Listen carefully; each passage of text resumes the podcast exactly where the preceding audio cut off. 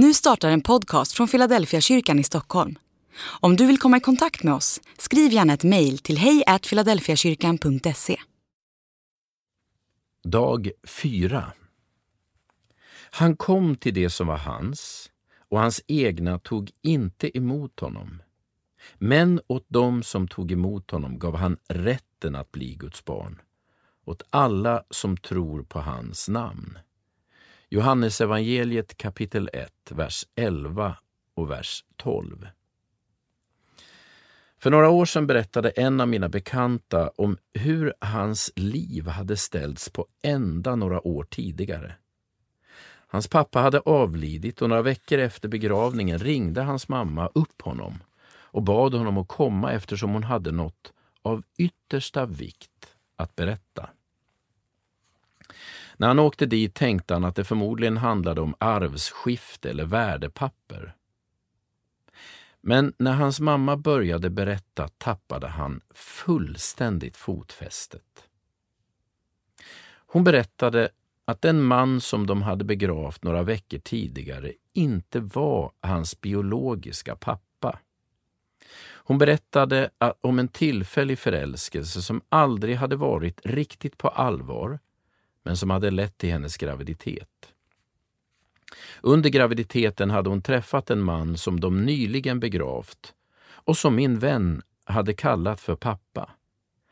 Han hade tidigt i förhållandet bestämt sig för att ta emot kvinnans barn som sitt eget och mannen som var biologisk far hade gått med på att adoptera bort barnet. Man hade gjort en överenskommelse som alla tyckte var för barnets bästa. Däremot hade den biologiska pappan önskat att de någon gång skulle berätta för pojken om hans ursprung. Men det beslutet lämnade han över till mamman och den nye mannen. Efter begravningen hade hon länge funderat på vad hon skulle göra och till sist beslutade hon sig för att berätta.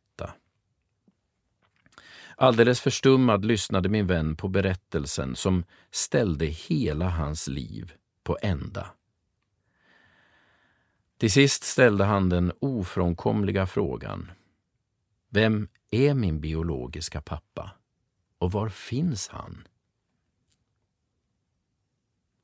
Då berättade hans mamma att mannen bodde i samma stad, bara några kvarter bort och att de säkert hade mötts vid tillfälle utan att veta om varandra.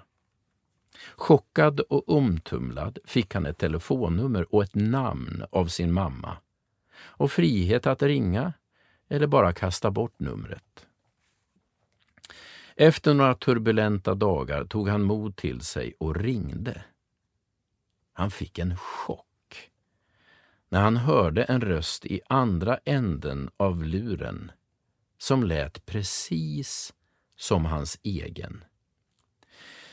När han frågade om det var möjligt att träffas brast mannen i andra ändan i luren i gråt. Detta har jag väntat på i snart 35 år, sa han. Jag har sett dig på håll under många år.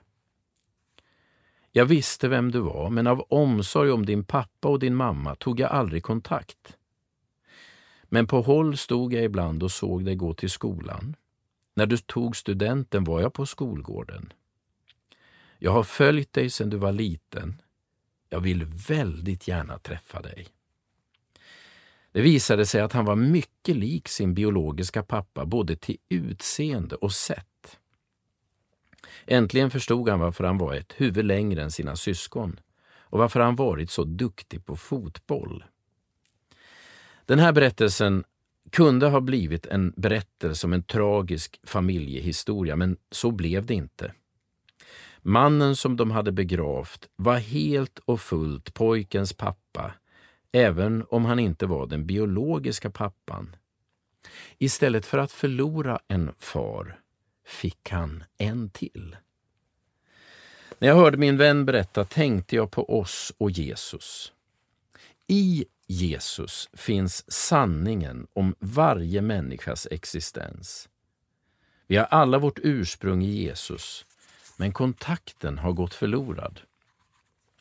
Vi känner inte igen Jesus trots att vi har vårt ursprung i honom. Utan honom förblir vi hemlösa, föräldralösa, utan en chans att förstå varifrån vi kommer och vad som är hemligheten med våra liv. Men hos Jesus hittar vi både oss själva och Gud.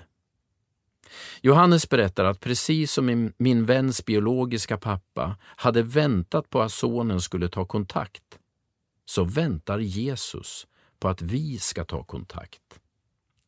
På samma sätt som min väns pappa hade följt honom på håll har Jesus följt oss på håll genom hela vårt liv. Men vi måste få veta att han söker oss och sen svara på hans inbjudan om gemenskap. Att komma till Jesus är att förstå vem man själv egentligen är. Precis som min vän gjorde när han mötte sin biologiska pappa.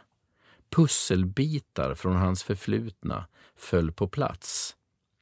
Även om allt var likadant på ytan i hans liv var allt annorlunda på djupet. Andlig övning. Öva dig i konsten att se människor som Jesus gjorde. Allt är skapat av honom. Tänk på att varje människa du möter är full av Jesu fingeravtryck.